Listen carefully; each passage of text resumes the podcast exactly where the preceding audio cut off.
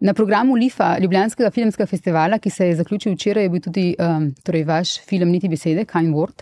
Uh, svetovno premiero je ta film doživel na zadnjem um, mednarodnem filmskem festivalu v Torontu. Nemško, slovensko, francosko koprodukcijo je to. Film se ukvarja s posledicami nasilja, tudi tistega nasilja, kot ste vi pojasnili, um, ki ga ne doživimo mogoče sami, nas pa zaznemuje, tudi če nismo sami neposredno žrtve. Uh, kakšne so lahko brazgotine ki, ga, ki jih povzroča uh, tako nasilje, tudi če ga recimo, ne doživimo sami, ampak smo mu priča. Torej, um, zdi se mi, da je v filmu veliko različnih tem, ki se nekako slojijo in je zelo odvisno od gledalke, gledalca, katere so tiste, ki bojo najbolj stopile v spredje in najbolj rezonirale. Po svoje je to film. Um, Torej, eno možno branje filma je, da je to film, ki je film o enem intimnem odnosu med staršem in otrokom in različnih um, komplikacijah in eh, procesih, ki se v takem odnosu lahko zgodijo. Um, in ena, ena od tem, ki se obravnava v filmu, tako kot ste ugotavljali, je. Uh, tematika nasilja, oziroma tematika posledic nasilja, in sicer ne tega neposred, teh neposrednih posledic nasilja, ki jih recimo doživljajo um, osebe, na katere se nasilje neposredno naslavlja, torej uh, tisti, ki so preživeli neko nasilno dejanje, ampak posledice nekih, um, nekega nasilja, ki se nas mogoče neposredno ne tiče in se nas um, neposredno ne dotika, in naj nas neposredno tudi ne bi nekih, ne, ne bi povzročali ran oziroma nekih brazgotin, ampak ugotavljam, da je ravno to vrstno nasilje uh, prispeva k temu, da obstajajo neke mikrotraume, mhm. osebne, kot tudi v družbi, ki neke mikrotraume, ki se nabirajo in slujijo. In eh, s tem filmom sem med drugim hotela preizpraševati. Um, Kakšna je rešitev? Torej, kako lahko, ker pač te neke mikrotraume se mi zdi, da eh, vodijo v neko um, bolezensko, um, v neko patologizacijo mhm. družbe ki se mogoče dogaja na, na nek način malček nezavedno ali tako nekako v zadju. In torej moje vprašanje je bilo, kako lahko nagovorimo. To, vrstne, um, to, vrstni, to vrstni proces, torej kako lahko nagovorimo neke rane, kako lahko obesedimo neke travme, ki jih imamo od um, opazovanja nekih posledic nasilja, ki se nas mogoče uh, uh, direktno ne tiče in ki nekako nimamo pravice ga kot neko nasilje nad nami um, ubesediti. Mhm. Ampak dejansko se dogaja neko, neko, neki sloj in sloj nekega mikronasilja nad, nad nami, ki se slujijo v neke mikrotraume, mikrobolečine, mikrorane, ki seveda spet. Um, Se procesirajo na neke načine, ki ponovno rojeva neko nasilje potem v družbi. In brez besed. Um, če mi te, te rane, ki jih dobimo s tem nasiljem, ko ga vidimo, gledamo, zaznavamo, ko že če se zgodi nekaj, kar je pač traumatično, in če ne pride do besede, je to v bistvu nadaljevanje, če vas prav razumem, ali pa je to vaš odgovor. Um, je to nadaljevanje v bistvu te bolečine. Bolečina, ki pride ven potem čez jezo, uh mhm. -huh. vidimo, um, se vam zdi zelo pomembno, da stvari ubesedimo, ko pride do travme. torej, na, drugem, na nekem drugem nivoju je to film o poslušanju, o sposobnosti oziroma o veščini poslušanja. Ker se mi zdi, da opazujem tako v odnosih med ljudmi.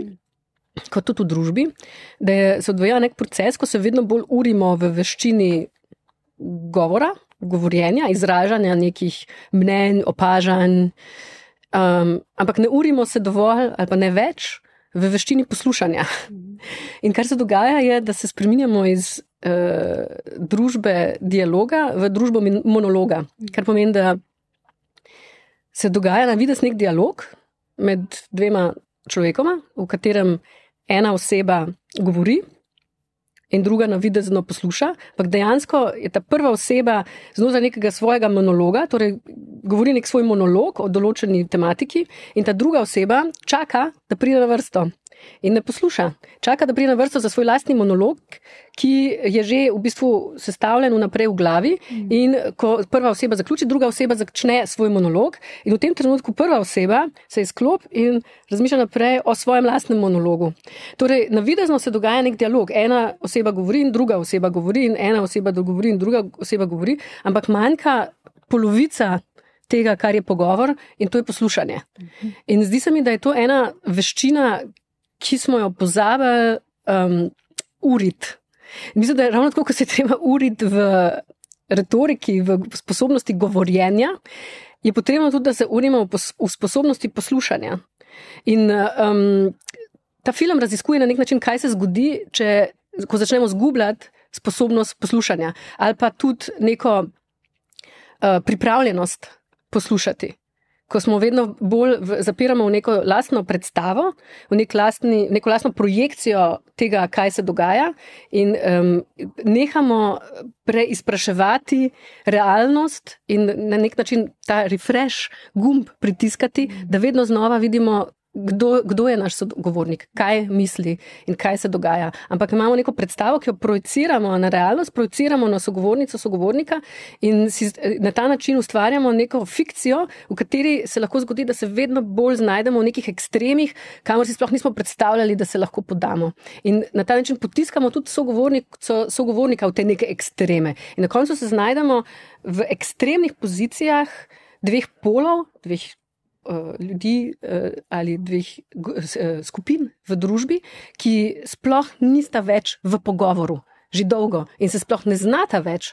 Um, vključiti v nek pogovor, konstruktiven.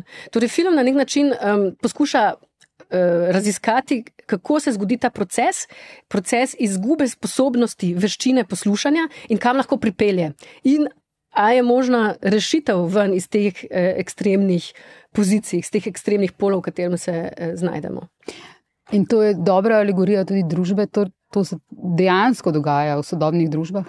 Ta, um, v ekstreme, da odide ena in druga stran, to, da se ne znamo poslušati, da obstaja dialog, ki je, kot pravite, v bistvu bolj kot ne pro forma, ampak v resnici pa uh, ne obstaja. Ampak tukaj je, vi to upovedujete v filmu preko te intimne zgodbe, uh, sina in matere. Uh -huh. mm mama ne ve, kaj se je zgodilo. No, no, ne bi želela preveč povedati. No? Uh -huh. uh, mama ne ve, kaj se je zgodilo, ampak, ampak projicira v bistvu uh, na svoje strahove. Uh -huh. In na neki uh -huh. točki začutimo, da v bistvu ona o svojem sinu misli najslabše stvari, prav zaradi tega, ker umanka ta dialog. Uh -huh. Ja, mislim, da strahovi, to je tudi ena ključna beseda. Ne? Mislim, da uh, strahovi lahko sprožijo neke obrambne mehanizme, ki eh, povzroča, da se na tej um, neki um, premici med zaupanjem in kontrolo vedno bolj uh, iz območja zaupanja začnemo premikati v območje kontrole, ki naj bi vzbujalo neko varnost. Ne? Ta strah torej vzbuja neko potrebo po varnosti, in ta potreba po varnosti se nam zdi, da jo lahko pridobimo, če se začnemo gibati v območje kontrole. Torej, kontroliramo zgodbo, kontroliramo, kaj se dogaja, kontroliramo otroka, kontroliramo, kako vidimo družbo, in tako naprej. Ampak dejansko je edina možna varnost, tako osebna kot družbena, v območju zaupanja. Mhm. Ampak zaupanje je seveda neka investicija in pač zahteva veliko več dela kot kontrola. In to, kar se zgodi med tema dvema likoma, je dejansko, da zgodi se neka, neko traumatično. Neka traumatična zgodba, ki se ju direktno ne tiče. To recimo se lahko dogaja tudi v družbi. Nam se trenutno dogaja neka traumatična zgodba, ki se nas direktno ne tiče, ampak se nas vseeno še kako tiče in se nas tudi dotika. Torej, podobno se zgodi tema dvema človekoma v neki intimni sferi. Torej, zgodi se neka traumatična zgodba, ki je zelo um, um, uh, grozna, ampak na srečo se jo direktno ne tiče in um, Torej, to je ta prvi obrambni mehanizem. Na srečo to nima nič z nami in ni treba, da se s tem soočamo. Lahko se izognemo temu soočanju, ker ti neposredno to nima nobenega vpliva na nas in it's, it's not our story. Uh mhm. -huh. In torej prvi obrambni mehanizem te mame, ki je pač nekaj, kar vsi starši se mi zdi poznamo, je to, da recimo, če se otrok zvrne na nos, pa uh, prva stvar, ki rečeš, nič se ni zgodil. Ker to je pač ta, um, skočeš v um, predpostavko, nič hudega, nič hudega ni bilo. Torej, ona naredi prvi, ta prvi korak tega obrambnega mehanizma, je nič se ni zgodil, nama se, se je nekaj zgodilo, ampak ne nama. Ne? Nama se ni nič zgodil, tebi se ni nič zgodil in vse skupaj ni, um, nima veze zdaj z tem, da se trenutno slabo počutiš, ampak to nima zdaj veze s tem nekim traumatičnim dogodkom. In potem se začne um, iz tega strahu, se zgodi, da, da ne, ne začnemo preizpraševati, kaj je, kako se počutiš, kaj je s tabo, a je kaj narobe, kaj je narobe, a ima to veze, a misliš, da je možno, da je nekako povezano s to neko traumatično zgodbo. Ampak začnemo, eh, te, tega vprašanja ne postavimo, oziroma nočemo niti slišati odgovor na to, ker mogoče bi bil to naroben odgovor, ki ga nočemo slišati. Torej začnemo projicirati neko svojo um, idejo tega, kako je vse v redu. In kaj se zgodi, je, da, ta, ampak seveda ni vse v redu. In ker prihajajo vedno nova, znova znaki, da ni vse v redu, so to neki triggeri, ki začnejo vzbujati, ampak to neko sumničenje. Torej, ta strah uh, vzbuja neka, neke um, ideje nekega sumničanja in neke vedno bolj paranoje in nekega demoniziranja drugega. Torej, ona gre iz nekega ekstrema, ko si misli. Nič se ni zgodilo in karkoli se je zgodilo, se naj ne tiče in ni naj en problem in um, vse je super. V to, da, hej, um, mogoče moj otrok ni to, kar jaz mislim, ampak je nekaj čist drugega in ga sploh ne poznam, in je mogoče um, on vir te neke, tega nekega zla. Ki se dogaja v svetu. Torej, ne, da je on um, prizadet od nekega zla, od nekega nasilja, ampak da je, ta, da je ta neka disonanca, ki jo v njem zaznava, da je to znak, da je, ta, da je on v bistvu v viru tega zla in tega nasilja. Na nek način je ta film nasprotni film od filma. Um, um, We Have to Talk About Kevin, ne, ki je pač tudi film o tem, kako uh, od, uh, ravno v nasprotnem smislu, kako. Um, Mama vedno znova poskuša um, ignorirati znake, da je z njenim sinom nekaj močno narobe. In to je tudi film o tem, kako ta mama poskuša ignorirati mm -hmm. znake, da je z njenim sinom nekaj močno narobe. In ko jih neha ignorirati, jih začne po svoje interpretirati kot nekaj popolnoma drugega, kot to, kar je dejansko se, se temu otroku zgodilo. In pri tem otroku gre vse, kar čuti, ven na jezo. Ne? Tako kot rečemo. Uh mhm. -huh. In pri najstnikih gre pogosto ven na jezo. Uh, kako pomembno se vam zdi, da se zgodi ta beseda? Ne? Ker se mi zdi, da prelomi se tam, ko se zgodi beseda, ne? ko se začnete zares pogovarjati. Uh -huh. um, kako pomembno je to, da jeza ne ostane jeza, ampak da se prepozna za to, kar je žalost, uh mhm. -huh. strah, tesnoba um, travma, ne, uh -huh. uh, da pride do besede, da pride do pravega pogovora, če, če, če dam v vaše besede. Ja. Tukaj je več vprašanj. Najprej bi, torej, kako lahko pride do. Enkrat je. To je ena anekdota na nek način. Na enem od um, pogovorov z občinstvom, ko smo bili v Varšavi, je en gospod um, postavil vprašanje, ki me je zelo dotaknilo. On je namreč vprašal, a vi res mislite, da je možno, ko se zgodijo taki um, nesporazumi, taki raz, tak razkol v družini, a vi res mislite, da je možno to um, spet popraviti in priti nazaj skupaj. Aha. In um, zelo me je dotaknilo se njego, to njegovo vprašanje, zato ker je um, bilo veliko ene emocije eh, in ta emocija je bila žalost. Ta gospod je bil žalosten uh -huh. in je rekel, ker namreč to ni moja izkušnja, je rekel, uh -huh. da je to možno.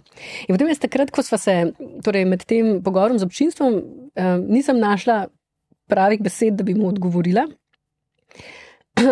Razen da sem pač mu pokazala, da čutim njegovo žalost in da jo razumem. Um, ampak potem, ko sem razmišljala o tem, sem prišla do dveh zaključkov. Prvič, da ko, vedno, ko se znajdemo pred nekim problemom, ki se nam mogoče zdi nerešljiv, pa neko zagato, iz katere ne najdemo takoj poti ven, da je ena od človeških strategij, kako iskati odgovore, je, da si pripovedujemo zgodbe. In da je pomembno pripovedovati zgodbe o tem, kako najdemo rešitev za določene probleme, ker je to eden od načinov, kako. Potem mogoče najdemo rešitev za te probleme. Torej, pripovedovanje zgodb, kar je za me film, mm je eden od načinov, kako iščemo rešitve za določene stvari, ki se dogajajo v družbi ali pa v intimnih odnosih med ljudmi, za določene procese tudi zgodovinske. Druga stvar um, je pa, um, da je seveda ne, za rešitev to vrstnih konfliktov, bodi si med dvema človekoma, znotraj družine, znotraj enega osebnega odnosa, tudi prijateljskega. Tudi, tudi se dogaja, da, se, da nastanejo neki nesporazumi, ki vodijo v vedno večje raz, razprtije ali nek razkol, in na, na koncu ta izguba prijateljev je, se mi zdi, enako boleča kot izguba mm. sorodnikov na ta način. Um, torej, uh, da najdemo pot ven iz teh, iz teh pozicij, nemogočih pozicij, ko, ko pogovor ni več možen, ko, ko, ko empatija ni več možna, je seveda potrebno. Da, se, da obe strani sodelujeta. To je že ena težka uh, stvar. Potrebno je, da je ena stran sposobna izreči besedo oprosti, ampak to ni dovolj. Ker potrebno je tudi, da druga stran je pripravljena to slišati in oprostiti. Mhm. Torej, ta zmožnost um, opravičiti se, priznati napako, in z druge strani ta zmožnost um, sprejeti opravičilo in odpustiti napako. To se mi zdi, da je rešitev iz teh zagad. Ja, Sveda pa to je, zdaj se sliši kot nekaj zelo enostavnega. Ampak, um, ja, kako težko je to, ne? kako težko je dejansko uh, narediti oboje, kako, de, kako težko je priznati, da smo naredili neko napako, ki je potem vodila v celo vrsto nesporazumov in napak z obeh strani, in tako naprej. In kako težko je, potem, ko je nekdo priznal napako, uh, stopiti ven iz tega nekega. Si sem, si sem vedela, ne sem vedel, aha, ampak reči. Ja, odpor, odpor, poprostim ti. Uh mhm. -huh. Gospodu bi torej, um, če bi imeli takrat uh, to moč, povedali to, kar sem jim zdaj povedal. Ja? Ja, ja, torej mislim, da sem mu to povedala s filmom na nek način. Upam, da, upam, da je to potem. Sveda ne, jaz sem vedno zelo hvaležna vsem gledalkam in gledalcem, ki so sposobni na koncu filma postaviti neka. Um, smiselna vprašanja, ker jaz vem, jaz sama kot gledalka um, um, sem raje, po koncu filma imam raje ta čas intime s filmom, ne, raje, nisem, nisem, takoj, um, nisem takoj pripravljena postavljati nekih vprašanj in zdi se mi, da filmi um, tako kot knjige, so nekaj, kar deluje dalj časa. Mm -hmm. pač, da, pač, doživetje filma se ne konča z zaključno špico, ampak ga potem vzamem s sabo v moj vsakdan, v moje življenje in mogoče uh, nekaj dni kasneje šele uh, pride neka misel ali pa neka reakcija, neko čustvo. Um, ki, ki, se, ki je tam bilo inicirano, ampak se še ni uspelo artikulirati. Tako da sem vedno zelo um, impresionirajo Eh, ljudje, gledalci, gledalke, ki uspejo artikulirano in, in premišljeno reagirati na film, takoj po koncu filma. Ampak mislim, upam, da ta film ponuja nek um, možen odgovor na to vprašanje, kako, kako izgubimo stik drug z drugim in kako ga spet najti. Mm -hmm. Um, ob tem filmu ste se poglabljali, uh, mislim, da so to rekli, tudi v lastne odnose, odnose z mamo, odnose z otroki. Um, koliko vas in vaših razmislekov osebnih uh, in koliko razmislekov o odnosih drugih čera, drugih mam je v teh likih? Jaz mislim, da vsak film, vsaka zgodba, ki jo delam, um, se na nek način dotika mojega življenja. Mhm. Zato tudi v bistvu te zgodbe rezonirajo z mano ali pa sprožijo neke. Uh, neko nujo, to, ravno to zgodbo uporabiti in povedati. Ampak um, to še ne pomeni, da so te zgodbe tudi direktno neke, um, neki prevodi stvari, ki se dogajajo v mojem življenju. Seveda. Mislim, da je to tako, eh, recimo v primeru tega filma, je sigurno tukaj eno opazovanje um, tega, te dinamike odnosa. Med otroci in starši z obeh strani. Torej, opazovanje te dinamike z mojega stališča kot otrok, kot otrok, ki je najprej šel skozi svoje otroštvo, potem se je um, rebeliral in odšel po svoje, in potem sam postal starš in ponovno. Uh, Podrobno gled, vzel svoje lastno otroštvo in svoj pogled na svoje starše, skozi dru, drugo optiko. In potem je tudi um, moja izkušnja kot starš, ko, ko poskušam razumeti, kako moji otroci vidijo, recimo, mene kot starša, ali pa kako je to zdaj njihovo otroštvo, je to neka njihova zgodba, v kateri jaz igram to neko stransko vlogo starša. In to je eh, zelo zanimivo, zanimivo je tako opazovati. Tako da, jaz mislim, da je v obeh likih veliko tako, eh, torej v liku Larsa, v liku tega sina, je veliko mene kot otroka uh mhm. -huh. in je veliko mojega opazovanja mojih otrok uh mhm. -huh. kot otroke, kot otrokov. Kot otrok, in tudi um, opazovanja uh, iz okolice, prijateljev, sosedov, uh, znancev, njihovih otrok in njihovih odnosov. In ravno tako se mi zdi, da je v liku tega starša, te mame, uh, je um, moj pogled na moje starše, ampak je tudi um, moj, uh, moje pogled na mene kot starša in je pogled na druge starše, ki jih poznam. Torej, gre za, to, za neko opazovanje te, tega odnosa, teh možnih odnosov in teh možnih dinamik med starši in otroki. In teh nekih mikronapak, ki jih delamo v teh odnosih, ki so strašno zanimive. Potem pa pride ta kapljica fikcije, ne, ki je ta neka, kaj pa če Torej, opazujemo te odnose in si ustvarimo neko teorijo, neko podobo tega, kako, kako ta dinamika funkcionira, in potem vzamemo kapljico neke fikcije in to potenciramo. In rečemo, kaj pa, če bi se zgodil. Recimo tole. Mhm. In to je pač, gre za stvari, ki se eh, mogoče niso pripetile v življenju nikogar od teh ljudi, vključno z mano, eh, ki sem jih opazovala, ki jih opazujem, ampak je neke, neke vrste mm, poskus. Torej, neke, na neke vrste upeljava nekega fiktivnega elementa, zato da to, to dinamiko, ta odnos še bolj jasno, iz, izpiljeno, izpiljeno, izčiščeno prikažemo v tej eni lastnosti, ki nas ta trenutek zanima kot, uh, kot gradivo opazovanja. Uh -huh. um, Nekaj pomembnega so v Variety, eh, ko so pisali o eh, vašem filmu, zapisali, da za Hano Slak je pomembno, da imajo starši izpolnjujoče karijere, eh, za umetnike, da imajo izpolnjujoče od, osebne odnose, ne pa da moramo izbirati med enim in drugim. Um, kako pomembno se vam to zdi uh, in kako težko je bilo priti do tega spoznanja, če ste prišli do njega?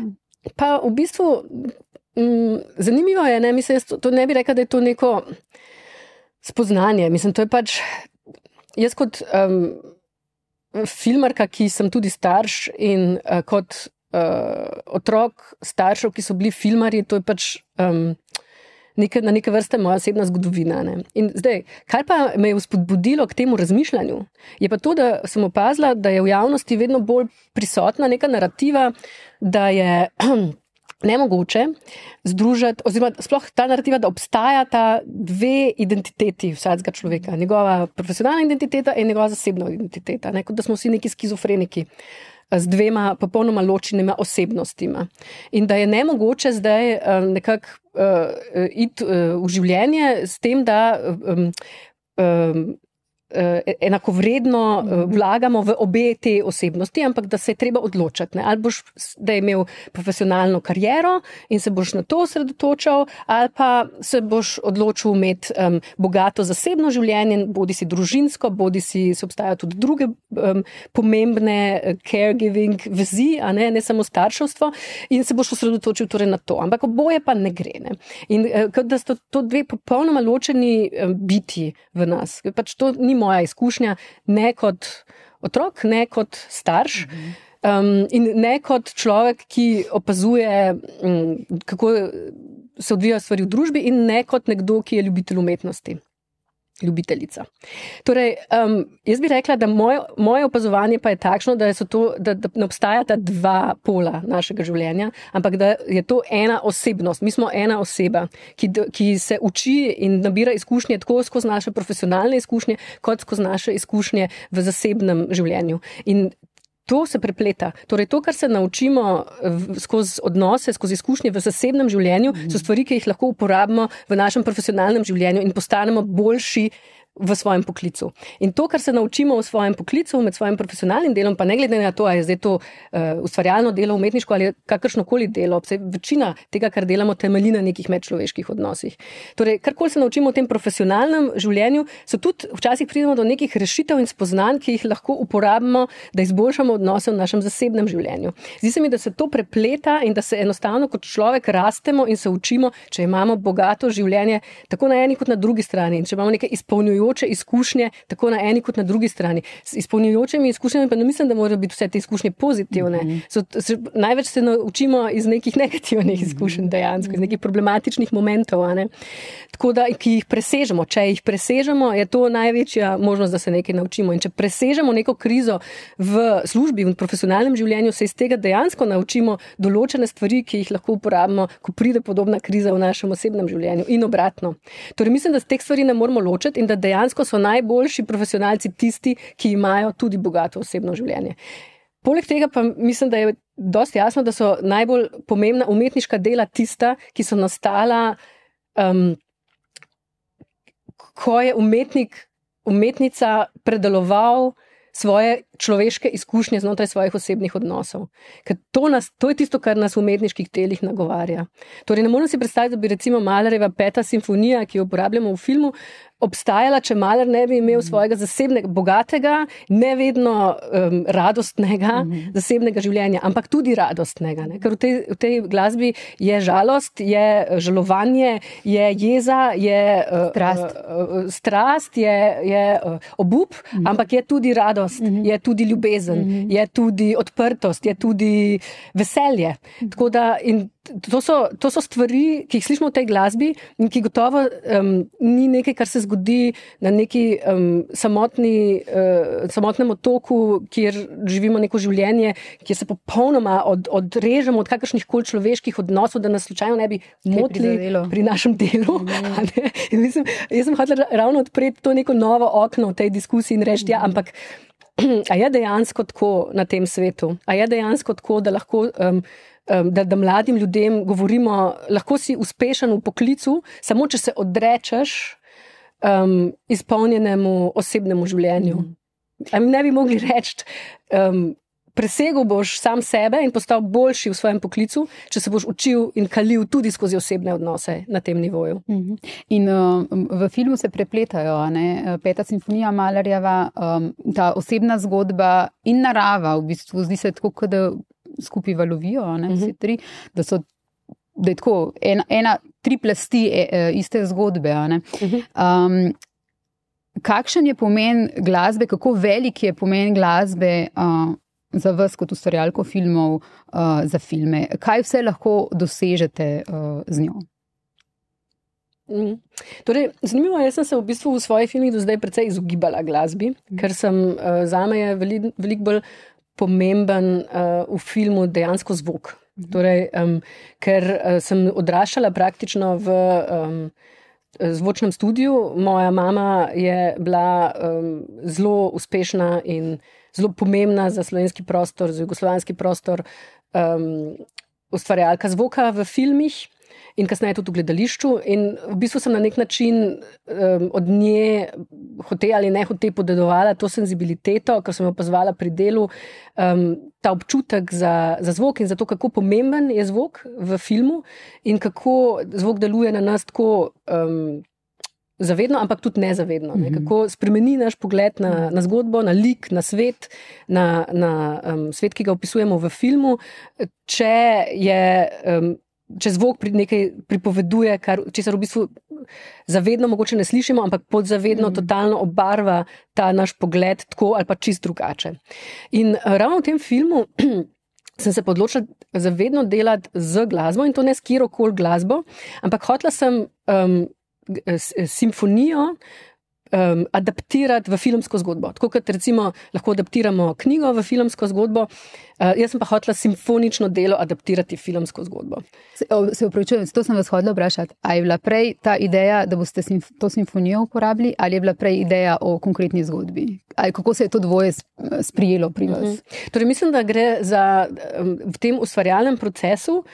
Um, Ko se rojevajo neke zgodbe, mm -hmm. je to neke vrste uh, zgoščevanje. Mm -hmm. Mislim, težko rečeš, kaj mm -hmm. se je zgodilo najprej. Obstajajo ti različni trenutki, uh, ko veš, da tukaj je se je že rojevala ta zgodba, tukaj se je rojevala ta zgodba, tukaj se je rojevala ta zgodba. Neki trenutki, neka opazovanja, neke ideje o likih, o, o pokrajini.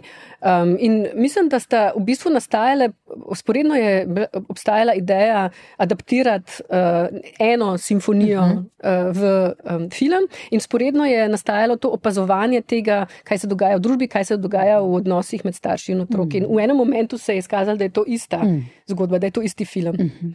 Zdaj, um, zakaj sem se odločila za Malrevo peto simfonijo? To je vprašanje se pogosto pojavlja, zato ker um, je v, zadnjih, ja, v zadnjem času, eh, neodvisno drug od drugega, nastalo več filmov, ki se ukvarja z, um, z to simfonijo. Ampak pri meni je bilo tako, jaz, se, jaz nisem hotla um, adaptirati neke glasbe, ki, jo, ki, ki je gledalci, gledalke ne poznajo. Mm. Torej, jim ponuditi nekaj, neko glasbo, um, ki je ne poznajo, in jih na način inicirati v to glasbo, ali pa jim predstaviti nek, um, nek del uh, kulturnega izročila, ki ga ne poznajo. Bolj me je zanimalo vzeti nekaj, kar vsi poznajo mm. in imajo že nek svoj, neke svoje slike, nek svoj pogled na to, in ponuditi neko novo interpretacijo. Torej, presenetiti z tem, da uporabim glasbo, ki je recimo zelo znana, ki je nekako vsi slišimo nekje v našem ušesu. Mm -hmm. uh, in jo, in jo na nek nov način um, ilustrirati, recimo, uh mhm. -huh. ali, ali povedati zgodbo te glasbe na nek nov način. Uh mhm. -huh. Mm. Kako ste sodelovali z dirigentko Živo Ploj Peršuh in snimalcem zvoka Gregom Švabičem? Zdaj, kaj ste jim, ko, se, ko ste se odločili za to, kot ste zdaj opisovali, ne, kakšen je tukaj umetniški proces, uh, kaj ste njima dvema rekli, ko ste uh, jih povabili k projektu? Zdaj, uh, tukaj, um, Mogoče sem pozvala povedati, da veliko je seveda nemških gledalcev, uh, igralcev uh, v filmu, ampak kar znatna je tudi ta slovenska zasedba. Uh mhm, -huh. Mhm. Ja. Torej, um, uh, film Niti besede je tudi slovenska koprodukcija. Tako. To je bilo za me dosti pomembno, zato ker sem želela v bistvu nadaljevati sodelovanje z nekaterimi um, sodelavci, s katerimi mm. strašno rada uh, sodelujem. In, um, in ja, in konc koncev. Uh, moja slovenska identiteta kot filmarka je tudi na nek način zelo pomembna in mislim, da je prisotna v filmu. Um, in e, ena od teh, torej, kako sem delala za živo, to je zanimivo. Mislim, jaz sem najprej začela za živo sodelovati, torej povabila sem jo na kavo in na pogovor. Uh, nisva se poznali, ker sem hotla, delala sem uh, raziskavo uh, na temo dirigentke, ker sem vedela, da bo glavni lik v filmu dirigentka in to je bilo še med pisanjem scenarija. In sem se hotla z živo usest na kavo, da mi pove, kako. kako um, um, kako je um, živeti v tem poklicu. Torej, kakšne so specifike, um, torej, pač, ker jaz sem vedela, okay, jaz gledam zdaj na ta poklic z mojega stališča, ki je pač uh, stališče režiserke, in uh, sigurno obstajajo tle neke diskrepance. To ni isti poklic. Torej, obsedajo nas druge stvari, zanimajo nas druge um, zadeve. Drugačne stvari so tiste, ki jih nosimo um, zvaj domov in spet od doma navajene. Mm -hmm. In to je bilo blazno zanimiv pogovor. Dobili smo se v kavarni hotela Union. Spomnim, da smo se začeli pogovarjati, da pogovor kar traja in traja. In, um, zelo zanimivo mi je bilo slišati. Um, Ja, um, torej, poslušati na nek način, kako živa opisuje te iste stvari, ki jih jaz poznam iz vlastnega življenja, ampak iz popolnoma druge, um, drugega sveta. Ne? Se pravi, to, kar so pri meni uh, neke slike, zgodbe, liki, uh, neke teme, um, so pri njej tudi, seveda, teme, ampak veliko uh, gre za ritem in za nek tempo. Za nek tempo, ki določa potem uh, v določenem obdobju njeno življenje. Ker pač, ko, ko se ukvarja z neko določeno glasbo, z nekim določenim tempom, potem ta tempo vse čas nosi s sabo v glavi in dejansko se potem vse dogaja, od kuhanja do eh, prebiranja pravljic otrokom v tem tempu. Ne? In to se mi zdi blazno zanimivo, kako eh, to je nekaj, če se ne bi mogla spomniti. Torej, dejansko je research je za me ena zelo pomembna. Um, Del uh, ustvarjanja filmov, ustvarjanja zgodb. In potem, ko smo se živo na nek način zelo ujeli v tem pogovoru, sem jo kasneje prosila, če bi prevzela um, še dve funkciji v tem filmu. In sicer ena je bila um, dirigiranje orkestra, ki je igral v filmu, in um, kot tudi. Um, Pač na nek način um, pomoč pri razmišljanju o glasbi, ker jaz pač nisem muzikologinja in moje vedenje uh, o glasbi je zelo omejeno, pač uh, na, na vedenje ene filmarke. in tako sem, si, sem jo prosila, da mi pomaga tudi razmiš, ob mojem razmišljanju in vizualiziranju teh zgodb, da, mi, da me mal vodi in da mi mal pomaga z svojim znanjem.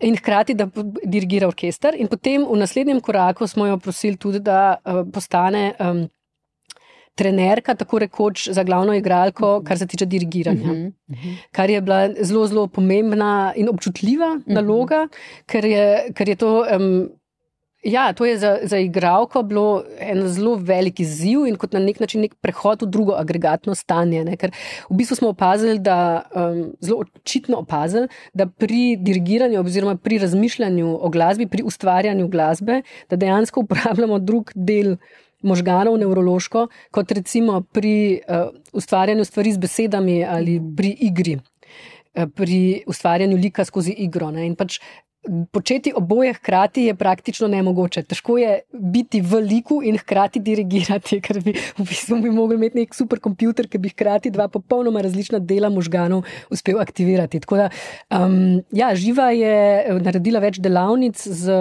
Maren Egat in to je bilo super, da je Živa zelo dobro razumela, da ne gre za to zdaj iz Maren narediti neke vzorčne dirigentke, ampak gre za to poiskati tudi skozi dirigiranje ta lik Nine. In mislim, da jim je to uh, krasno uspelo. Uh -huh. uh, uh, vi ste odraščali s filmom, prej ste to omenili sami. Vaš oče je bil uh, slovenski režiser Francis Slak, mama polska oblikovalka zvoka in umetnica Hanna Preuss. Omenili ste jo že, oba zelo znana in cenjena umetnika. Uh, sami ste že rekli, v bistvu, da vas je to že od malega uh, zaznamovalo. Nekoč ste rekli, še preden sem vedela, da je filme mogoče gledati v kinu, sem vedela, da se jih dela. Um, kako je bilo uh, videti v bistvu film uh, z druge strani, ne? ker vi ste ga poznali delanje filmov prej kot gledanje filmov, tako rekoč. Um, se vam zdi, da vas je to kot umetnica tudi zaznamovalo, v bistvu to zgodnje obdobje, kjer ste v bistvu film doživljali z druge strani, z ja, strani dela? Ja. Mislim, Jaz sem kot otrok sem doživljala film kot obrt, ne kot mhm. umetnost. Mogoče tudi zato, ker je bil to čas analognega um, filma in um, so bile uh, ob, obrtniške spretnosti, ki so še zdaj uh, strašansko pomembne, ne? ampak so bile še, še veliko bolj. Um, V ospredju, mhm. torej, tako na, na snemanju filma, kot v postprodukciji. Ne, mislim, sem, doživljala, sem doživljala fascinacijo s to obrtjo, in z vsemi ljudmi, ki so specializirani za določen segment te, te kompleksne obrti, ki je delanje filmov. Tako da, seveda, me je to zaznamovalo, zato ker sem se, tako kot se pač. Um, Otroci obrtnikov hote ali ne hote naučijo določenih spretnosti in veščin, ki, ki jih opaz, tem, da jih opazujejo, ali pa da tam nekaj malega zraven delajo. To isto se je dogajalo tudi pri meni. Sem, um, ali sem se dolgočasila na snemanjih, pa sem pa so se me um, večinoma uh, scenski mojstri. Um, Usmilili, pa so mi dali tam nekaj za spucati ali pa kaj za zgraditi. Um, ali pa med, v postprodukciji sem se dolgočasila na, v, um, med miksom in sem potem bežala v montaže filmske, mm. kjer so se me usmile asistentke montaže in so mi dale kakšno kaj za delati. Ne? Recimo, um, zelo ponosna sem bila, bila sem stara nekaj 7-8 let, da so mi dale za um, numerirati. Um, Perfotrak, torej Perfotrak je bil magnetski trak, na katerega se je snimal zvok. Kot vemo, se zvok se snimal in se še vedno snima posebej, in um, slika se snima posebej. In Perfotrak je pač tak magnetski trak, ki ima te perforacije, in um, ker tam ni videti, kuk, um, kje je frame, ne? ker na filmskem traku vidimo, kje je frame, medtem ko na tonskem pač ni. Frame, je pač tonski zapis, ni, ne gre po slikicah, mhm. ampak je treba nekako um, najti eno sekundo, potem, kje je vsaka sekunda. In potem je obstajal tak zelo um, obrtniško enostaven način za to narediti, in sicer ena delca z žeblom, in potem, si, um, in potem je bila markacija, kje je 24 slikic. Ne? Kje bi bilo 24 slikic po dolžini. In potem si, kot, ko si to numeriral, si pač vzel, dobil si ta en trak, ki je bil dolg, ne vem, 100 metrov, in potem si ga dal na žebel in tle naredil ena, potem dal na žebel in tukaj naredil dva. In to je bilo ful pomembno delo, zelo odgovorno, ker sem mogla to res dobro numerirati. In jaz sem pač tam sedela in sem to delala, in so, v montaži so bile potem še druge osebe, ki so delale druge stvari, in jaz sem se blazno počutila del tega procesa, ki ga nisem jemala kot umetnost, mm. ampak kot neke vrste obrt, v kateri je sodelovalo zelo veliko ljudi, bila je cela vas ljudi, ki je mm. ustvarjala nekaj, kar je potem, kasneje, nastalo ta nek film, ki se ga je dal gledati v, v kinu, kar je mene manj fasciniralo kot ustvarjanje. Kot, kot, kot cel ta proces mm -hmm. in vsi ti ljudje upleteni v ta proces in vsi te majhne naloge in um, majhne veščine, ki so bile potrebne za to, da ta proces funkcionira. Tako da sigurno sem imela neko prednost, recimo, da sem, se, da sem razumela uh, obrt, obrtno plat filma, um, ko sem odraščala. Sem razumela, kako se filme dela. Ampak nisem imela pa tega eh, prirojene, recimo, uh, ali pa pri, nihče me ni uh, učil veščine pripovedovanja zgodb. To, to je pa nekaj, kar se je dejansko pri meni porodil iz velike ljubezni do literature. In jaz mislim, da. Kot se spomnim, sem si celo življenje želela postati pisateljica in to sem totalno. Se je ponesrečilo, ni mi uspelo. No, pišete čez film. Ne, ja, tako rekoč. Ja. Povedujem zgodbe čez film. Um, Preko smo govorili o peti simfoniji. Uh, mislim, da ste tudi zaverajati rekli nekako tako, da um, je treba najprej videti to temo, če hočemo iz travme izita. Um, to je bilo, mislim, da v kontekstu filma Rudar. Eh, tudi, no, ja. ker zdaj ravno prihajam ja. k rudarju. Namreč uh, po zgodbi rudarja Mehmedalija Aliča, ki je v hudi jami odkopaval slovensko zgodovino in mrtve pobite leta 1945 po vojnem nočnem grobišču, on je izgubil tudi uh, številne sorodnike v Srebrenici, uh, tudi dva brata. In bil je uh, v Sloveniji med izbrisanimi. Skratka, vi ste posneli po njegovi zgodbi film Rudar, Miner, ki pa ni dokumentarec, ampak fikcija. Uh. -huh. Vam se je zdelo izjemno takrat pomembno, da, da gre za fikcijo, da zgodbo poveste um, preko fikcije. Zakaj? Mislim, zato, ker znova gre, tle, torej, gre za iskanje neke, um, neke rešitve. Ne? Uh mhm. -huh. Ker pač meni se zdi, da je bila nuja narediti ta film. Um, Bile sta dve plati, zakaj je bilo nujno narediti ta film. Po eni strani je bilo nujno um, vrniti um, Mehmedali in celi družini Alič njihovo dostojanstvo in um, pokazati njihovo uh, junaštvo na nek način um, in njihov humanizem. In uh, to je bila ena stvar. Druga stvar je bila pa, da, da sem opazila.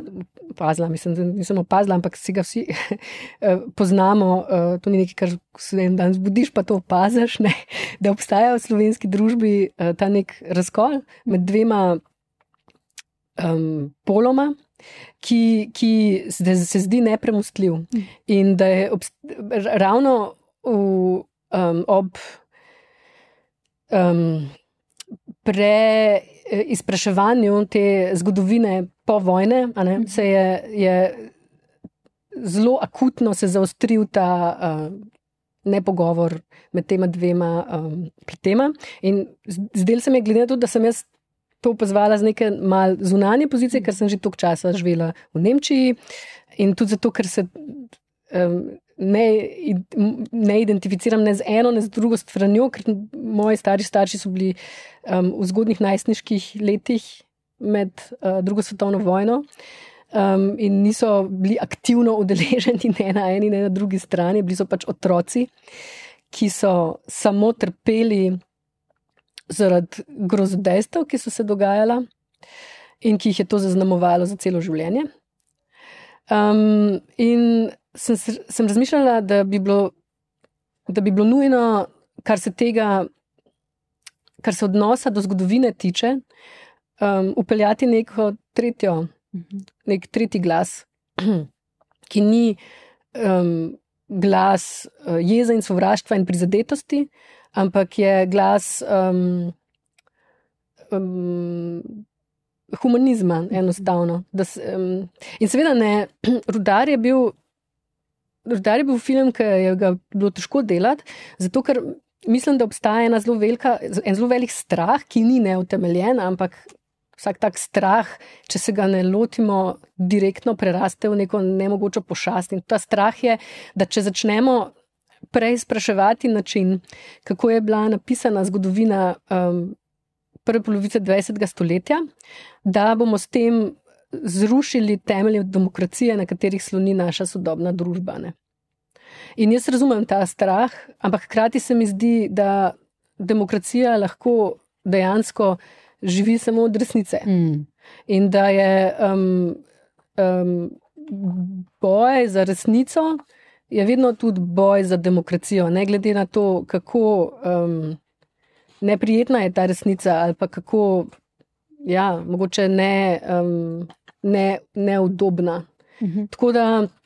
Ja, šlo je tudi za to upeljati v, v ta diskurs, ki je obstajal v družbi, ne, ki je bil ekstremno ideološko. Um, bilo je samo ideološko zaznamovano z ene strani, ali ideološko zaznamovano z druge strani, ali pa mok. In ker sem bila, jaz bila del te družbe, ki je molčal, ampak hkrati sem čutila potrebo. Se soočati s to neko um, travmo, ne, ki se mi zdi, da je to bila neka travma, da, so, da, smo, da smo najdli te ljudi nekje pod hribi, kjer smo kot otroci jedli piknike mm. in, in se igrali in tekali in, in naše brezkrbno otroštvo živeli in potem se izkaže, ko odrastemo, da so pod travniki našega otroštva skrite neke grozljive resnice, ki jih noben noče ubesediti. Jaz, jaz sem čutila potrebo. O tem spregovoriti, ampak način, kako se je o tem govorilo v družbi, ni prinesel nobenega mm. olajšanja ali pa mm. Odrešitve. Nobene, to ni bil moj način, kako hočem govoriti o tem. Mm. Tudi ni bil Mehmedalijev način, kako mm -hmm. govori o tem. Rekli ste nekoč, da uh, vas je bilo te teme strah, oziroma da je bilo tesnoben občutek, ampak da se je ta tesnoba nekako izginila, ko ste v bistvu njega spoznali. In on vas je takrat, uh, vi ste ga vprašali, uh, kakšna je um, tvoja vera, kateri, mm. ne, v kaj verjameš. Kaj verjameš. In, in uh, on vam je odgovoril, verjamem vate in ste to občutili mm. kot veliko odgovornost. Mm. Uh, naredi ta film. Tle, tle bi v bistvu vprašal. V filmu ja. sem to prevedla, uh, ko, ko, uh, ko se ko se rudar ne, v filmu odloči, da bo šel do konca in mhm. zlezel skozi nek ta na pol porušen jašek, nekam pogledati, kaj je tam na koncu, in reče svojemu malemu vajencu: Odkole, pomagaj mi, če mi boš pomagal, imam več šans, da se vrnem. Ne, in potem je ta mal je čist prestrašen in to sem jaz. Reče, ja, ampak. Um, Okay, ampak, um, verjameš v Boga, ne? Mislim, tako poskuša, iz kere pozicije bo zdaj to. In, in rudar mu reče: Verjamem v vrhu in mu porine vrhu v roke, vrhu plezalno, na kateri ga drži in ga lahko povleče ven. Torej, To je, to je srč tega filma. Ne? Mi smo vsi ta vrhu. Mi, mi, mi smo vsi te. Uh, če ne moramo poslati enega mehmedalja sama, samega, da rešuje našo skupno kolektivno travmo. Ne? Mislim, mora priti nekdo in mu podati roko. In mhm. prvi, ki je prišel, je bil Boštjan Videvšek, ki je napisal članek o tem eh, človeku. In potem sem ta članek prebral in sem bila naslednja v vrsti, ki sem mu podala roko. In šlo je za to, da si vsi podamo roke in da na koncu ni ta en človek soročen s to grozoto in s to in, in, in, in s to travmo, ampak da se porazdeli na vse nas in ko se porazdeli na toliko nas, da je rata mehna in da lahko jo um, predelamo in jo, se lahko osvobodimo te travme. Ne. Pred leti ste za sobotno prilogo o tem govorili ne, in ste, uh, ste rekli točno to, na kar ste se zdaj spomnili.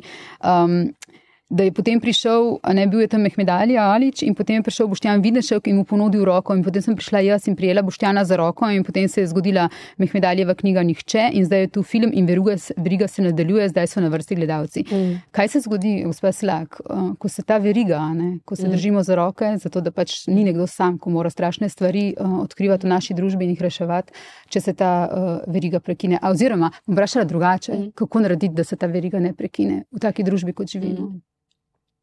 Ja, ne spustiti. Ne? Mm. Mislim, kaj, če se veriga prekine, prekine, pademo. Mm. In pademo, verjetno vsi. Ne? Mislim, ker težko se dela, če nekdo tle pade, se ni nič. In rešitev je ne spustiti. Mm. Mislim, ravno prej sem imela pogovor z vašim kolegom. Z, um, Za mladino, in um, v pogovoru se je zgodilo zanimiv moment, ker sem to nekako uspela tako srž tega, kar poskušam povedati v tem filmu, um, stisniti v zelo mehko repliko in to je odgovor, je pogovor. Mhm. Kaj je odgovor? na vsa ta vprašanja. Odgovor je pogovor. Mm. Jaz mislim. Mm -hmm. um, kaj vas kot velik, v bistvu vsi vaši filmi, to ste tudi že nekoč rekli, ne? vsi vaši filmi se. Um, vrti okrog iste stvari, če bi, mm. če bi zelo posplošila. O tej temi in kako v bistvu to temo premagati. Temi pogleda v to oči, mm. to rečete. Mm. Um, in, in, in naj to svetlobo, mm. veliko tega dualizma. Um, in dali ste zdaj odgovor. Mm. Torej, odgo odgovor je pogovor mm. za, za vse, v bistvu, tle, tle ne moramo zgolj. Ja, in odgovor ne? je, da ne spustimo. Mm. Mislim, tudi odgovor, kako um, priprečiti, da se naša družba razpade. Mm. Eh, tako da ne, da ne spustimo iz rok tistih, ki mislijo drugače kot mi, ampak um, da kljub temu, da mogoče imamo drugačne poglede in drugačne izkušnje in uh, drugačna mnenja, drugačna, ja, drugačne želje, kako naj se naša družba premika naprej, da si drug drugemu vedno dajemo občutek, da smo skupaj v tem in da se držimo za roke. Uh mhm. -huh. pač, ne, da smo odvisni drug od drugega, ne glede na to, da ne moramo odmisliti um, enega dela družbe, zato ker so to oni in da se nas trpljenje tistih, ki nismo mi, ne tiče, ali pa da se nas krepenenje tistih, ki nismo mi, ne tiče, ne, mhm. tiče se nas. Uh -huh. uh, kaj vas kot režiserko še uh, zanima za, v prihodnosti? Zdaj delam adaptacijo ene knjige. ki bo čist nekaj drugega. Mislim, da vsak moj film, vedno se mi zdi, ko začnem delati nov film, da je to pa zdaj nekaj čist drugega, da kar se izkaže, da je veliko enih um, elementov, ki se, ki se na nek način ponavljajo ali pa ki se. Ki se razvijajo, recimo, ne, da se zdaj na istem nivoju ponavljajo, ampak da se, uh mhm. -huh. da, se, da se razvijajo, da se preoblikujejo v neke naslednje um, pojavne oblike tega istega vprašanja. Ne. In zdaj bom pa delala um, adaptacijo knjige um, nemške pisateljice, um, berlinske pisateljice Judith Hermann, njene najnovejše knjige, naslov je uh, Wir hätten uns alles gesagt, torej uh, bila bi si vse povedala, ne, pač v, v nekem pogojniku. Um, preteklem pogojniku. In um, ja, mislim, da bo, da bo to, ta film, da bo zabaven, da bo. Da, bo, ima, to je film, v katerem bo veliko humorja, knjiga in je film, v katerem bo veliko humorja.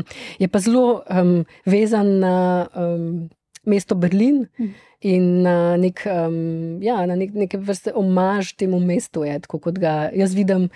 Tako kot ga vidi Judith Herman, ki je rojena Berlinčanka eh, iz Zahodnega Berlina, takrat je bil Berlin še razdeljen. In, um, in ja, in je neke vrste. Um, ja, je neka vrsta omaž eh, temu velemestu, njegovim različnim obrazom in različnim um, prikaznim, ki se vlačijo po ulicah tega mesta in uh, nemogočih, uh, ne, nemogoča srečanja, ki se lahko zgodijo samo tam. 17 let, ne, ste ja. računali, ste že v Nemčiji. Um, kako uh, drugače je delati v Nemčiji, filme kot v Sloveniji? Kaj je drugače? Je kaj drugače? Kar se mojega dela tiče, ni nič drugače. Uh mhm. -huh. Zato, ker pač, um, torej, sigurno je veliko stvari um, drugače, ampak kar se, kar se, res, kar se tiče moje, moje obrti in moje, uh, uh, mojega kreativnega dela, v bistvu ni razlik. Ne? Največja razlika za me je bila preiti v nov jezik.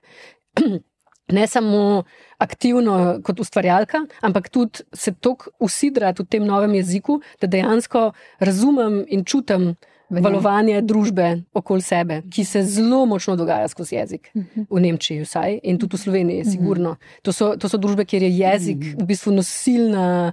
Um, nosilen element uh, nacionalne identitete, kulture, um, družbeno-političnega življenja, vsega. Ne. In um, ja, za me je bila največji, največji izziv in največja razlika je bila dejansko uh, si ustvariti gnezdo v tem novem jeziku. Ne. Ste si ga? Ja. Že mislite tudi v. Ja, odvisno, Kako se reče, ali, ali že sanjate v nemščini? Sanjamo v vseh možnih jezikih. Mislim, da v glavnem sanjamo v barvah. Naj ne bi bilo barv, ampak moje sanje so res v barvah. Mhm. In tudi v vonjih sem zadnjič ugotovila, ki niso vedno prijetni. No, ja, ampak mhm. zdaj ne bi o tem govorila. ja, ampak sigurno je trajalo, da sem se v, Nemči, v nemščini kot v jeziku da sem se preselil. Torej, selitev v Nemčijo ni bila nekaj, kar se je zgodilo um, tako z enega dneva na drug dan. Ne. Predvsem nis, nisem nameravala v cel, ampak sem šla samo malo v Berlin. Mhm. pač, eh, ker sem bila konc 20-ih in se šla malo pogledat. Ne. V Berlin, je pač tako je logično, ne, iz manjšega mesta v večje mesto greš malo pogledat, kaj se tam dogaja. In pa uh, je tako nanesel, da sem nekaj let zatem ugotovila, da zdaj živim v Berlinu, očitno. In potem uh, sem nekaj let zatem ugotovila, da že toliko časa živim v Berlinu in imam tam družino, da je smiselno, da uh, zaprosim za nemško državljanstvo. In hkrati se je dogajalo to, da, sem, da, sem, um, da so se moje življenjske izkušnje in moje življenje, da se je vedno bolj odvijalo v nemškem jeziku. Mhm. In to je, to je tisto, ne, da pač. Um, jezik potem začne oblikovati to, kdo si. Uh mhm. -huh. ne, pač so, ne gre toliko za to, da misliš v tem jeziku, ampak gre toliko za to, da se tvoje življenje dogaja, da se izkušnje dogajajo v tem jeziku. In, in to je dejstvo, da pač v enem momentu je moje življenje začelo se odvijati vedno bolj v nemščini in vedno manj v slovenščini. Uh mhm. -huh. V Sloveniji se um, vedno bolj na srečo pogovarjamo tudi o uh, ženskih režiserkah, o njihovem mm. položaju, o tem, uh, zakaj dolgo časa za njih ni bilo in tudi zdaj še mogoče ni dovolj poskrbljeno. Ali se um, od tega, kar vi vidite, čutite, doživljate, uh, se razmere za ženske režiserke izboljšujejo? Ne mislim samo v Sloveniji. Ja, to je zelo kompleksno vprašanje. Ne? Mislim, ker je pač um, filmska industrija ali pa pač filmske industrije različne. Pač način, to je nek zelo dinamičen proces. Ne? Vse se zelo, zadnjih 30 let se je zgodilo tle več revolucij, da različne načine, ki, ki seveda vplivajo na, na vse, ne samo na moške ali samo na ženske ali pač ne vem, na vse, ki delajo znotraj tega poklica. Zgodila se je, zdaj prehod iz analognega v digitalno, zgodilo se je to, da so. Um, um, kinematografi iz majhnih uh, mestnih uh, četrti kin, so se ustvarjali multipleksi in vrige kinematografske, potem se je zgodilo to, da so nastali streamerji, ki so prevzeli, um, potem se je zgodila pandemija, ne, ki je spet spremenila um, in, in tako naprej. In to vse je nekaj, kar ima vpliv na vse nas, ne glede na to, ali smo ženske ali moški. Torej, um, in znotraj tega se pač potem postavlja vprašanje, kako se spreminjajo kako se spremenja zdaj dinamika odnosov in, in delovnih pogojev za ženske. Ne, je zelo kompleksno vprašanje, ne, ampak bom poskušala vseeno odgovoriti. Torej, mislim, da je v zadnjih desetih letih, da se je zgodilo to, da smo se tega vprašanja nehali uh, lotevati emocionalno, ampak smo se ga začeli lotevati za stališča številk in pač um, bolj znanstveno smo pristopili do tega, recimo, in to je določene stvari um, pospešilo. Zato, ker mislim, da so mnoge od mojih kolegic in tudi jaz smo se zelo težko um, lotevale tega, um, te tematike z emocionalnega stališča, ne, ker pač nam je to ta način uh, tuj. In uh, lažje nam je bilo potem začeti uh, spregovoriti in se tudi um, angažirati, ko se je ta narativa, ko se je ta diskurs premaknil bolj v neko raziskovalno, v neko bolj um, ob objektivno, recimo, uh mhm. -huh. ali pa. Um, na ja, neko bolj racionalno, um, kognitivno uh mhm. -huh. način Raven. komunikacije. Uh mhm. -huh. In mislim, da so se stvari dejansko premaknile za eno stopnjo. Torej, jaz vem, da sem začela svojo kariero, kadar sem hodila po festivalih svojimi filmi, je bila verjetno tam nekje še ena režiserka, ampak je ravno že odšla.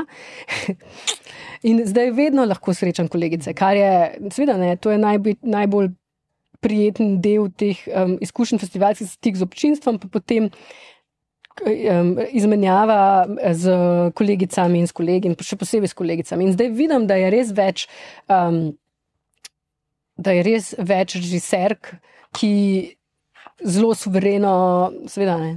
Veliko bolj suvereno kot režiserji, ker pač takšna je narava um, našega obstoja v tem poklicu. Nastopajo z izjemnimi zgodbami, imajo strašno močne stvari za povedati, zelo zanimive um, estetike. In um, zelo zanimive, uh, ja, strašno zanimivi filmi, strašno zanimivi ljudje, ki jih mhm. lahko srečaš. Ampak še vedno je pa tako, da opažam, kljub vsemu, ne, da je v javnosti bila en, en val, ki se je strašno veliko poudarjal to, da je nekje neka režiserka naredila film. Ne. In to se je tako poudarjal, da je v javnosti nastal nek napačen vtis, da je zdaj večina um, filmov, ki nastaja, da jih ustvarjajo ženske. Ali pa da je, da je, da je, da se je ta. ta um, balans eh, praktično prevesil. Da mhm. zdaj, da zdaj, če je bilo prej vem, 18 eh, proti vem, 82 odstotkov, da pa zdaj je že 70 odstotkov ženske, 30 odstotkov. To nikakor ni res. Ne? Mi smo mačken, mačken um, po, po, recimo popravili ta, to razmerje. Mm. Ampak velika večina uh, ljudi, ki uh, jim je omogočen, ki, ki si pridobijo dostop do financ, uh, um, do denarja, do možnosti, so še vedno režiserji. Mm. Režiserke so še vedno um, manjšina. In um, mislim, da je treba um, skrbeti za to, da se ta, da se ta razmerje vedno bolj uh, popravlja. Do trenutka, ko ne bo več pomembno, kar je to, s čimer vsi stremimo. Mm -hmm. uh, kakšen, kakšnega spola je ta človek, ki pripoveduje zgodbo, ampak je samo pomembno. Um, da obstaja ta zgodba. Ne, mislim, sem, nismo še tam. Še vedno je treba se eh, boriti in skrbeti za to, da, da se ta um, odnos ne poruši. Mm -hmm. Tudi zato, ker obstaja strašno veliko zgodb, ki jih še nismo povedali. Mm -hmm. Recimo, mislim, da um, je zdaj ta moja zgodba. Ne, Niti besede, ki je zgodba o odnosu med staršem in otrokom. To nekako sem razmišljala, ker pač v tujini so mi večkrat zastavili to vprašanje, ja, kako zanimivo. Um, Eh, redka, redek, redek odnos, ki ga vidimo v filmu, odnos med materjo in sinom. Ne poznamo filme odnos mati, mati hči ali oče sin, ampak mati sin pa ne tako pogosto. Pa sem mislila, ok. Uh, da razmislim, jaz sem pa sem dala kot primer eno sajko od Hitchcocka, ki je moče malo ekstremen primer, ampak ok. Ampak ne, pa sem razmišljala dejansko, da, da to ni v bistvu srž tega vprašanja, mm -hmm. ampak da je, da to, kar opažam, je, da, da dejansko zaradi tega, kako družba funkcionira, mogoče do zdaj, do pred kratkim, ni bilo veliko um, pripovedoval. Pripovedovalcev zgodb, filmark, filmarjev, ki so imeli dostop do tega, da naredijo film, uh mhm. -huh. ki so hkrati imeli izkušnjo starševstva. Uh mhm. -huh. Torej, ne glede na to, ali so ženske ali moški, da pač enostavno ni bilo veliko ljudi, ki so imeli. Um, Eh, bogato, intimno doživeto izkušnjo starševstva in so hkrati imeli dostop do pripovedovanja zgodb skozi filmski medij. Ne. In se mi zdi, da to je nekaj, kar se spremenja in, in da je gotovo tle zelo veliko zanimivih zgodb, še, ki jih lahko raziščemo tudi z stališča staršev, ki so moški, ne, mm. očetovstva. Mislim, ker veliko filmov obstaja o tem odnosu starši otroci, ampak večina teh filmov pripoveduje stališča otrok, ker pač um, dostop do izkušnje otroštva imajo vsi filmar in filmarke. In zanimivo je, da mogoče zdaj, ko se pač te razmere spremenjajo ne samo za uh, ženske, ampak se spremenja tudi pogled na starševstvo v smislu, uh, da, da je to nekaj, kar pripada tudi moškim, ne? ta izkušnja starševstva in da jim pripada ravno tako izkušnja starševstva kot možnost profesionalnega življenja oboje, da se bo zdaj pojavljalo veliko več zgodb, ki bo govoril. Eh, iz te, ven iz te izkušnje starševstva o tem odnosu, in ne samo iz izkušnje otrok, otroka o odnosu starš in otrok. Ne. Bomo videli. Um, da končam zelo široko, um, glede na to, da imate izkušnjo 17 let uh, življenja v um, Nemčiji. Um, Kaj, kaj mogoče najbolj opažate, kakšno, kakšna je razlika uh, med Slovenijo in Nemčijo, oziroma tako bom vprašala, um, kaj, pri čem je lahko Nemčija, Slovenija zgled, pri, po čem se pa absolutno ne smemo zgledovati? A bi na kaj upozorili? Nekod ste rekli, v bistvu, da v Sloveniji lahko kritično, bom, zelo sem povzela, ni, ni, ni to dobeseden citat, uh, ampak da, da v bistvu imate Slovenijo tako radi, zato ste kritični do nje. Uh mhm. Zato moramo biti kritični do tistega, to, kar, kar imamo radi, smo, uh mhm. -huh. smo kritični. Vi ste živeli prvih pet let eh, na Polskem, potem ste živeli v Sloveniji in imate to leta. Ja, torej, ja. Moja izkušnja Polske ne obstaja praktično. Mhm. -huh. Mislim, sem, ko smo se preselili v Slovenijo, sem bila stara tri leta, torej uh -huh. nimam niti spominov. Ampak zdaj. Jaz nisem nikoli živela hkrati v Sloveniji in v Nemčiji. Uh mhm. -huh. Tako da v resnici ne morem teh izkušenj uh mhm. -huh. primerjati. Mhm. Torej, moja izkušnja življenja v Sloveniji je stara 20 let. Uh -huh. in, uh, vem, da je to napaka, ki jo uh, izseljenci, izseljenke pogosto delamo, da smo pripričani, da je družba ostala um, v tem trenutku, v katerem smo jo zapustili. Mhm. Ampak torej, zavedam se tema, tega in ne poskušam tega delati. Zelo preizprašujem dejstvo, da imajo izseljenke in izseljenci uh, volilno pravico, ne? ker se mi zdi, da je tako malo. Um, sprašujem se, ali je smiselno, da vplivajo na um, stvari, ki se bodo dogajale nekje, kar se jih direktno ne bo imelo nobenih posledic na njihovo mm -hmm. življenje. Ne? Tako da mi zdi, da. V principu se mi zdi, da bi mogli imeti volilno pravico vedno ljudje, ki živijo na nekem ozemlju, uh -huh. ne glede na to, katero državljanstvo imajo. Uh -huh. Ker oni bodo tisti, ki bodo mogli nositi posledice teh odločitev ne, in teh um, volitev. Um, kar se tiče tega, kaj. Torej, Zdaj živim že dolgo v Nemčiji, ne? torej kritiziram Nemčijo. ker sem na nek način Nemka um, in Slovenije ne morem kritizirati, ker dejansko Slovenije na ta način več ne poznam. In da tudi nočem kritizirati. Ne vem, zakaj bi kritizirala Slovenijo.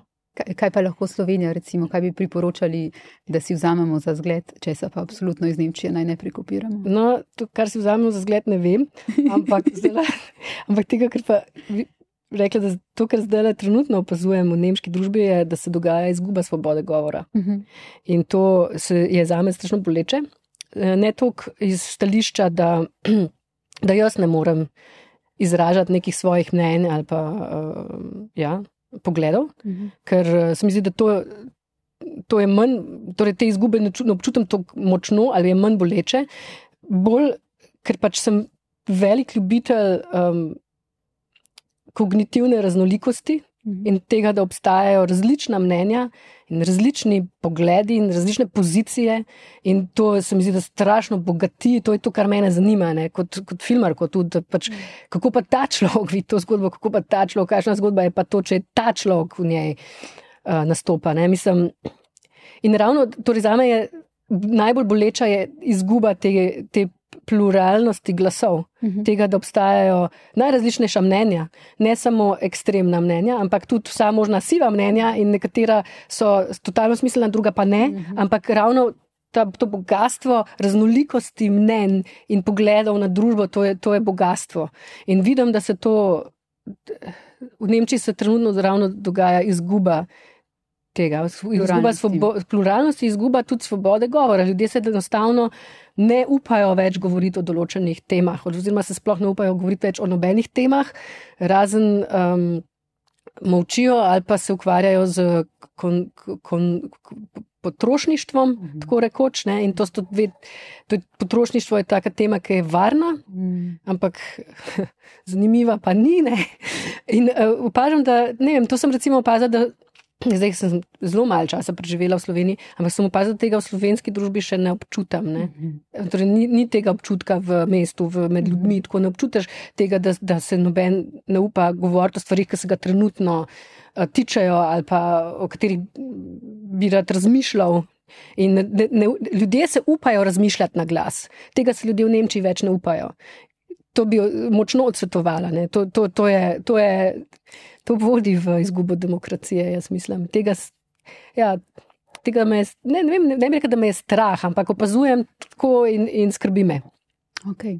Najlepša hvala, gospa Hanna Slag, hvala, da ste prišli, hvala, da ste bili gostja ena podcasta. Hvala lepa in srečno.